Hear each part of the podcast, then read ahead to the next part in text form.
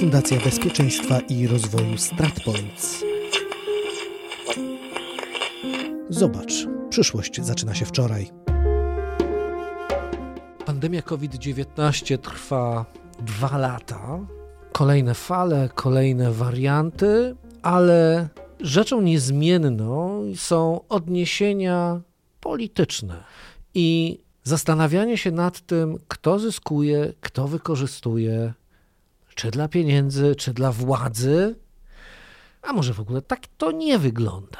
Moim rozmówcą jest Jan Mikruta, współgospodarz magazynu Dzień na świecie w Polsat News. Dzień dobry. Dzień dobry. Nie będziemy udawać, że się nie znamy. Bo znamy się od lat bardzo wielu. I nieraz rozmawialiśmy, i nieraz rozmawialiśmy na tematy polityki międzynarodowej. Obaj byliśmy korespondentami zagranicznymi, w związku z tym nie da się tego uniknąć.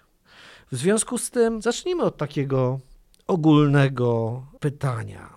Czy Twoim zdaniem, patrząc na świat polityczny, o szczegółach porozmawiamy za chwilę, ale patrząc na świat polityczny, to udało się politykom na świecie, przynajmniej tym głównym przywódcom, w jakiś sposób przezwyciężyć podziały po to, żeby chociażby ograniczać liczbę ofiar, liczoną już w milionach? Czy COVID stał się kolejną areną walki politycznej i starcia interesów, niezależnie od tego, ile osób przechoruje, ile umrze? Znaczy, przypominasz sobie, żeby w ogóle w ostatnim czasie świat, czy świat polityki szeroko rozumiany, zdał egzamin w obliczu wielkiego zagrożenia? Ale tak wielkiego nie. zagrożenia nie było tak namacalnego, bo możemy mówić o katastrofie klimatycznej, ale to jest dalej odległe, bardziej abstrakcyjne. Żadna wojna od II wojny światowej nie była taką rzezią, jaką widzimy teraz. W związku z tym to jest jakiś punkt odniesienia. Tam mamy przecież potem konwencje genewskie wprowadzane po wojnach światowych. ONZ-owskie konwencje, tak, a tu masz ONZ, który od wielu miesięcy grzmi ustami wszystkich swoich przedstawicieli, że jeżeli świat natychmiast nie stanie na głowie, żeby zaszczepić wszystkich, przynajmniej pierwszą i drugą dawką, to będą tworzyć się kolejne mutacje, coraz bardziej niebezpieczne i nigdy w życiu nie pozbędziemy się tego nieszczęsnego koronawirusa, co zresztą teraz w przypadku Omikronu już bardzo dokładnie widać. Przecież skąd wziął się Omikron? Omikron wziął się z południowej Afryki, a w dużej części Afryki jaki jest poziom wyszczepienia? Jednocyfrowy. Jednocyfrowy. To jest nic w porównaniu z tym, co dzieje się u nas. A jednak mimo tych apeli, żeby pompować szczepionki w COVAX czy w inne międzynarodowe programy, które pozwalałyby wyszczepić wszystkich i w ten sposób w jakiś sposób, może nie do końca pokonać, ale przynajmniej wyciszyć tę pandemię. Nic takiego się nie dzieje, bo wszędzie wygrywa to, co jest najważniejsze, czyli interesy lokalne. To Amerykanie mówią od wielu lat, że nie ma czegoś takiego jak polityka międzynarodowa. Każda polityka jest lokalna w gruncie rzeczy i wszyscy grają w nią lokalnie, wszyscy od początku do końca. Ja lubię przywoływać rzeczy związane ze Stanami Zjednoczonymi. Jakie były ogromne oczekiwania po tej dramatycznej prezydenturze Donalda Trumpa, jak to się nagle wszystko zmieni jak to znowu ten świat będzie patrzył na Amerykę, a Ameryka będzie temu światu przywodziła. Jest marzec tego roku. W amerykańskich magazynach leżą dziesiątki milionów dawek szczepionki AstraZeneca której Amerykanie jeszcze nie są w stanie podawać, ponieważ nie skończyli procedury, ponieważ producent nie wystąpił jeszcze nawet o formalną zgodę na użytkowanie tego preparatu. Natomiast preparat już fizycznie jest. Cały świat, Unia Europejska, Ameryka Łacińska proszą Amerykanów, mówiąc: Słuchajcie, dajcie nam to. Jak tylko przyjdą zamówione przez nas dawki, oddamy, wyrównamy. Nic na tym nie stracicie, wy i tak tego na razie nie używacie. Administracja Bidena mówi: Nie, nie ma mowy.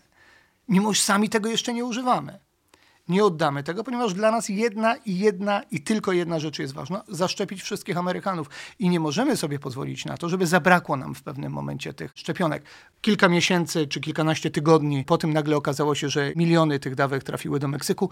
Akurat w tym samym momencie, w którym administracja Bidena negocjowała z Meksykiem to, żeby Meksyk stanowczo zaostrzył kontrolę na granicy ze Stanami Zjednoczonymi i wstrzymał napływ migrantów z Ameryki Środkowej do Stanów Zjednoczonych. Ale to jest tylko jeden z przykładów. Tak to działa absolutnie wszędzie. Ja niestety nie mam po tych już dwóch latach pandemii takiego odczucia, że świat nagle zaczął patrzeć na problemy globalnie. Wszyscy widzą tę pandemię. Choćbyśmy się zaklinali i powtarzali, a robimy to i ty, i ja niejednokrotnie, że to jest problem globalny, że to jest kryzys globalny, że to dotyka nas wszystkich, że musimy na to patrzeć odpowiedzialnie. Wszyscy patrzą, mam wrażenie, wyłącznie z perspektywy tego, co jest dla nich najważniejsze, a to, co jest dla nich najważniejsze, to jest zapewnienie, i to jest akurat słuszne, bezpieczeństwa swoim obywatelom przede wszystkim, ale po drugie to, żeby dobrze wypaść w oczach swoich wyborców. Nawet teraz przecież do Kowaksu płynie za mało dawek, a jeżeli już płyną, to na co skarży się ONZ, płyną, kiedy już właściwie kończy im się data przydatności do użytku. Do rozmowy z Janem Mikrutą o covid polityce i lekcjach na przyszłość lub ich braku za chwilę wrócimy. Teraz kilka informacji związanych z pandemią. Ponad 8 tysięcy lotów anulowano na świecie w okresie świątecznym z powodu narastającej fali pandemii COVID-19. Co prawda, w skali globalnej nie jest to liczba wielka, niemniej przypada w okresie świątecznego szczytu podróży. Utrudnienia w szczególności dotknęły podróżujących do Chin i Stanów Zjednoczonych. Do głównych przyczyn odwołania lotów należą pozytywne wyniki testów i kwarantanna członków personelu pokładowego. Rosnące zagrożenie rozprzestrzenieniem się wariantu Omikron powoduje, że władze amerykańskie amerykańskie ponownie bardzo uważnie przyglądają się statkom wycieczkowym, zwłaszcza, że niektóre porty na Karaibach odmawiają ich przyjęcia z powodu groźby rozpowszechnienia choroby. Podobne sytuacje miały miejsce dwa lata temu na początku pandemii. Naukowcy kwestionują chińską politykę zerowej tolerancji dla COVID-u. Ostatnio 13-milionowe miasto Xi'an zostało odcięte od świata z powodu wykrycia 250 nowych przypadków. Mieszkańcy muszą pozostać w domach i tylko jedna osoba z gospodarstwa domowego raz na dwa dni może wyjść zrobić konieczne zakupy. Osoby łamiące kwarantannę są zatrzymywane. Według wirusologów drakońskie metody nie powstrzymają niezwykle zakaźnego wariantu Omikron, Tulio de Oliveira z Republiki Południowej Afryki, który poinformował świat o omikronie, uważa, że potrzebna jest współpraca międzynarodowa, a nie karanie pracowników służby zdrowia za niepowstrzymanie choroby. 4 lutego w Chinach mają rozpocząć się zimowe Igrzyska Olimpijskie. Z powodu pandemii zorganizowane zostały w swoistym bomblu, który ma chronić obywateli kraju przed zarażeniem przez zagranicznych sportowców. Nieszczepieni uczestnicy będą musieli odbyć 21-dniową kwarantannę przed wejściem do zamkniętego obiegu olimpijskiego oznaczającego korzystanie wyłącznie z wyznaczonych w tym celu obiektów, pomieszczeń i pojazdów w pełni zaszczepieni będą zwolnieni z obowiązku odbycia kwarantanny. Chiny nie wpuszczają także kibiców z zagranicy. Pekin przyznaje, że duża liczba gości zagranicznych w jednym miejscu stwarza bardzo wysokie ryzyko rozprzestrzenienia się choroby, stąd pomysł zorganizowania igrzysk w Bomblu. Zarażeni sportowcy i pracownicy obsługi nie będą mogli uczestniczyć w zawodach ani przy nich pracować. Odsyłani będą do wskazanych szpitali lub ośrodków kwarantanny. A teraz zapraszam na dalszy ciąg rozmowy z Janem Mikrutą. Oczywiście każde państwo ma obowiązek dbania o swoich obywateli, w związku z tym to jest zrozumiałe i byłoby zrozumiałe, gdyby również było wpisane w kontekst, o którym mówiłeś, przekładając Twoje słowa na kolejny wielki kryzys, o którym już wspomnieliśmy, czyli na kryzys klimatyczny, możemy się spodziewać, że sytuacja się powtórzy, to znaczy nie będzie żadnego szerokiego frontu, który On byłby jest moim zdaniem znacznie skuteczny. bardziej dojmujący niż ten kryzys, o którym mówimy teraz, czyli pandemiczny. On na pewno będzie miał dużo dalej idące konsekwencje, natomiast prawdopodobieństwo, że jakiś front zjednoczony, jakaś solidarność międzynarodowa i wspólne rozwiązywanie problemów, jeżeli potraktujemy COVID jako próbę generalną, to nie bardzo się udało, albo bardzo się No, nie trochę- udało. Trochę tak i trochę nie. Chiny na przykład mają bardzo ciekawe podejście do COVID-u.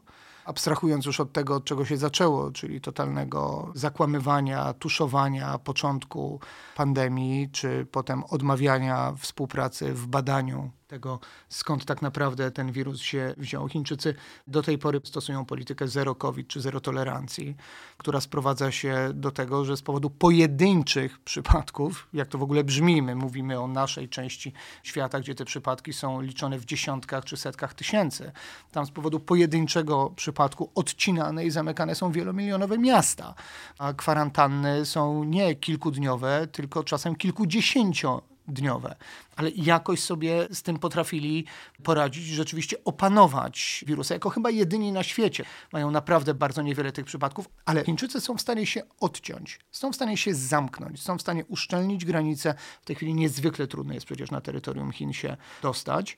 Natomiast w przypadku zmian klimatu to jest troszeczkę inna historia, bo tu nie da się odciąć. Tu nie ma tu granic. Nie da się zamknąć, tu nie ma granic. To jest nasz jeden wielki wspólny problem. Ale mówisz o Chinach, które są w stanie się zamknąć. Przykładem kraju, który jest naturalnie predysponowany do takiego podejścia, jest Nowa Zelandia, która po prostu jest odcięta.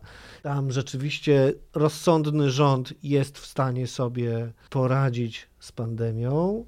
A przejdźmy w takim razie na chwilę troszkę bliżej nas, gdzie myślenie jest inne, albo przynajmniej powinno być inne, wspólnotowe. Mamy Unię Europejską, która jest organem połączonym, którego w ogóle pomysł na funkcjonowanie jest taki, że gwarancją przyszłości jest nie separowanie się, tylko przełamywanie barier, wymiana, współpraca a może nawet wykraczanie poza granice. Unia Europejska za sekundę, bo skoro wspomniałeś Nową Zelandię. To dwa słowa dosłownie. Jacinda Ardern, premier Nowej Zelandii, rzeczywiście przez długie miesiące była takim wzorem z Sewr tego, jak należało z pandemią walczyć. Tam chodziło o kilka rzeczy i o podejmowanie trudnych decyzji, ale też o fantastyczną komunikację ze społeczeństwem. To, że ona rzeczywiście dzień po dniu mówiła, tłumaczyła, że bardzo wielu ludzi jej doradzało, to naprawdę działało tak, jak powinno działać. Ale gdy spojrzysz na najnowsze sondaże poparcia dla Ardern, to one bardzo, bardzo znacząco spadło. Nawet Nowozelandczycy są już po prostu tym wszystkim śmiertelnie zmęczeni. Ale to są prostu, dwie różne rzeczy. Chwilę, chwilę. Ale są też niezadowoleni. Są też niezadowoleni z tego, że jednak, że jednak z deltą, bo tam jeszcze problemu omikrona nie ma, jest cały czas problem delty w tej chwili w Nowej Zelandii, już sobie radzą znacznie słabiej niż sobie radzili. I z jednej strony byli oczywiście niezadowoleni, że byli zamknięci i odcięci, z drugiej teraz są niezadowoleni, że to nie działa tak, jak działa. Politycznie ten wirus i ta pandemia to jest absolutne piekło dla przywódców, dlatego że to się tak szybko zmienia. Decyzje podejmowane w dniu A wydają się naprawdę niegłupie, tylko po to, żeby po tygodniu okazało się, że były krańcowo głupie i niczym nieuzasadnione. I to jest katastrofa. Wracając do Unii Europejskiej pytasz o solidarność unijną, no to zacznijmy od tego, że w ogóle bardzo trudno jest mówić o spójności polityki unijnej wobec pandemii w sytuacji, kiedy kwestie ochrony zdrowia są wyjęte z polityki wspólnotowej. To są kompetencje rządów narodowych. W związku z czym zostało to, zresztą jak kilka innych kwestii, jest nadal rozgrywane w sposób taki, że wszystkie klęski i porażki są zeuropeizowane, natomiast wszystkie sukcesy są znacjonalizowane. I tak było od samego początku. Zaraz dojdę do konkretnego przykładu. Pierwszym problemem z tą unijną solidarnością był wielki unijny projekt wspólnego zakupu szczepionek. Przecież od tego się zaczęło. To Unia Europejska, to Komisja Europejska kontraktowała szczepionki, które następnie były rozdzielane pomiędzy kraje członkowskie proporcjonalnie do liczby mieszkańców każdego kraju. Takie było założenie. Już na samym początku okazało się, że to kompletnie nie działa. Ówczesny jeszcze kanclerz Austrii Sebastian Kurz, ale nie on sam, bo popierali go Bułgarzy, Czesi, Estończycy, jeśli dobrze pamiętam, zażądali wręcz nadzwyczajnego szczytu unijnego ponieważ zarzucili największym krajom europejskim, że te dogadują się z producentami jakby za plecami tego unijnego mechanizmu bo dokładnie takie rzeczy się działy, w związku z czym już tam ta solidarność została wystawiona na próbę. Potem kolejne rządy wystawiały ją na próbę, zamykając na przykład granice, mimo protestów w Komisji Europejskiej, bo przecież Ileż było przypadków, kiedy te granice były wewnątrz strefy Schengen przez konkretne rządy zamykane. Uważam, że i tak wielkim sukcesem Unii Europejskiej jest to, że udało się wypracować certyfikat covidowy. Że on rzeczywiście jest, że on funkcjonuje we wszystkich krajach wspólnoty. Chociaż też nie do końca, bo już teraz w przypadku Omikrona widać, że kolejne rządy życzą sobie oprócz paszportu, który potwierdza wyszczepienie, przeprowadzenia testu, wcześniejszej rejestracji podróży itd., itd., itd. Więc to nie działa aż tak dobrze, ale i tak uważam przy całym krytycyzmie wobec Unii Europejskiej, że Unia naprawdę nie wypada źle. Co więcej, ja przypuszczam, że na skutek pandemii służba zdrowia, ten obszar zdrowotny zacznie być elementem wspólnej polityki i zacznie być integrowany. Studiowałem nauki polityczne w momencie, kiedy nie było wspólnej polityki rolnej i pamiętam francuskich farmerów, którzy magistraty puszczali z dymem na w ogóle wspomnienie o tym, że może być wspólna polityka rolna. W tej chwili jest to rzeczą naturalną. No już powstała unijna agenda, która ma się zajmować przeciwdziałaniem przyszłych pandemii, więc to już jest zalążek tego, żeby to zaczęło działać. I, i w związku z tym znając formę działania Unii Europejskiej, która tworzy zalążek, oswaja kraje z tym to zalążkiem. Trwa, trwa, trwa, ale ostatecznie. Ostatecznie jest. coś się wydarzy, więc prawdopodobnie tutaj, przynajmniej dla krajów, które będą chciały się integrować unijnie, ten element będzie dalej Oby. rozwijany. Oby. Wspomniałeś o kosztach pandemii. Oczywiście tym takim bezpośrednim i dramatycznym jest śmierć milionów ludzi. Są ciężkie choroby ogromnej rzeszy ludzi. Są ludzie, którzy umierają albo chorują dlatego, że systemy opieki zdrowotnej są niewydolne, zajęte i tak dalej, i tak dalej. Wracając do tego obszaru dyplomatyczno-politycznego, ewolucja Unii Europejskiej to może być jedno. Natomiast kolejne narzędzie dyplomatyczne, zdrowie jako kolejne narzędzie dyplomatyczne. Szczepionki jako narzędzie. Szczepionki jako narzędzie z całą pewnością. Tutaj mamy historię sukcesu i historię absolutnie wstrząsającej porażki. I historią wstrząsającej porażki jest Rosja, jest Sputnik który wydawało się w pewnym momencie, że zawojuje świat, bo był szczepionką wyprodukowaną zgodnie ze starymi zasadami, więc nie był szczepionką bardzo nowoczesną, ale wydawał się bardzo skuteczny. Badania były świetne. Zresztą Władimir Putin reklamując Sputnika używał takiego określenia, bardzo uważam udanego. Mówił, że Sputnik jest jak kałasznikow. On może nie jest przesadnie nowoczesny, ale wszyscy wiedzą, że jest bardzo skuteczny, bo od bardzo wielu lat się sprawdza i nie musi tam mieć 100 milionów bajerów, on po prostu działa. I tak miało to wyglądać. Rosjanie zakontraktowali bodaj miliard dawek. Świat chciał kupić tyle dawek Sputnika. Przede wszystkim kraje globalnego południa, czy szeroko rozumianego trzeciego świata, czy świata rozwijającego się. Te, które wiedziały, że są na tak szarym końcu kolejki do szczepionek zachodnich, że nigdy się nie doczekają. No i wszystko byłoby pięknie, gdyby nie okazało się, że Rosjanie są w stanie zapewnić około 5% tego, do czego się zobowiązali. To jest katastrofa. Nagle okazało się, że takie kraje jak Białoruś Łukaszenki, jak Wenezuela Maduro, które zakontraktowały Sputnika, ostatecznie wchodzą w szczepionki chińskie. Dlatego, że Rosjanie po prostu nie dowieźli tego, do czego się zobowiązali. To jest absolutna klęska sukces to są Chiny w tej dyplomacji szczepionkowej, bo oni błyskawicznie, płynnie weszli w te wszystkie miejsca, których nie dali radę Rosjanie i w całą masę innych. Chińczycy mają zresztą fantastyczne doświadczenie przecież w wpływaniu finansowym poprzez kredyty, pomoc, tak zwaną pomoc, bo tam jest zawsze małym druczkiem bardzo dużo zapisów, które sprawiają, że ta pomoc tak do końca pomocą nie jest. Ale robią to od wielu lat w Afryce przede wszystkim. Teraz dokładnie to samo robią szczepionkami, pompując je w cały właściwie świat, w Amerykę Łacińską, w jakże ogromnych ilościach, gdzie ugrywają przy okazji swoje gierki. No przecież e, tam grają o to, żeby jak najbliżej Stanów Zjednoczonych stworzyć tę swoją strefę wpływów, bo to dokładnie tak działa. Kolejne kraje, Nikaragua przecież ostatnio, zerwała kontakty dyplomatyczne z Tajwanem, Tajwanem, na czym Chinom bardzo zależy i uznała, że Tajwan jest integralną częścią Chin. A zrobiły to też dlatego, że dotarły tam chińskie szczepionki. To nie był jedyny powód, ale to był jeden z powodów, więc Chińczycy tę dyplomację szczepionkową prowadzą absolutnie spektakularnie skutecznie. Rosjanie ponieśli na niej absolutną klęskę. Amerykanie próbują, chociaż Joe Biden obiecał miliard, bodaj 200 milionów dawek, wyśle tyle w świat żeby nieść pomoc i budować pozycję Ameryki jako znów rozgrywającego na świecie. Na razie nieco chyba ponad ćwierć miliarda udało się wysłać, ale jednak to idzie. Unia też wysyła, ale chyba najwięcej wygrywają, mam wrażenie, Chińczycy. Zaczęliśmy od tego, że świat polityczny się znowu poszatkował, nie ma jedności w podejściu. To może nie jest tak, że on się poszatkował, on się po prostu nie skleił w obliczu tak ogromnego zagrożenia. Ale może ta długotrwała, globalna walka z pandemią, która trwa dwa lata, która jeszcze potrwa rok, dwa, Zobaczymy. Nie zaryzykuję rzucania żadnymi datami. Ale na pewno nie skończy się w ciągu kilku tygodni czy kilku miesięcy.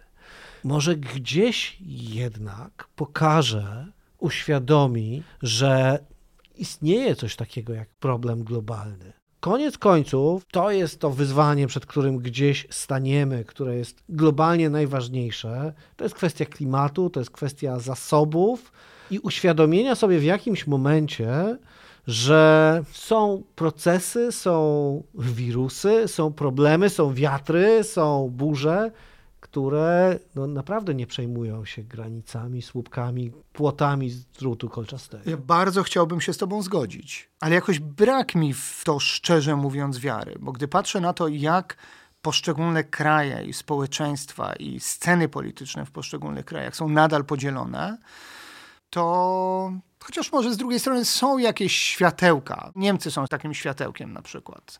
Niemcy, gdzie nie ma tradycji obowiązkowych szczepień. Chyba jest jedna szczepionka obowiązkowa i w których teraz z ostatnich sondaży wynika, że ponad 70% popiera pomysł obowiązkowych szczepień, bo wychodzą z założenia, że tak, no jakby trzeba to zrobić. Patrzą, nawet ci, którym się to nie podoba, uznają, że zagrożenie jest i że z tym zagrożeniem trzeba walczyć. Niemcy swoją drogą, to krótka niemiecka dygresja, byli też jednym z nielicznych krajów, któremu do pewnego stopnia, jako kraj federalny, to jest w ogóle skomplikowany system wprowadzania wszelkich nowych obostrzeń i tak dalej, i tak ale udało mi się uniknąć takiego chaosu i rozedrgania, który był w większości świata. Tam po prostu wyraźnie powiedziano, że jest współczynnik, jeżeli ten współczynnik wynosi x, to wprowadzamy takie a takie obostrzenia. Jeżeli wynosi x plus 1, to wprowadzamy większe obostrzenia. I to rzeczywiście działało, bo w większości krajów to był też polityczny problem. Było to rozedrganie totalne. Nie wiadomo było, czego się spodziewać, kiedy to nastąpi i jak to będzie wyglądało. Więc Niemcy byłyby tu z jednej strony, ale z drugiej spójrz na Stany Zjednoczone,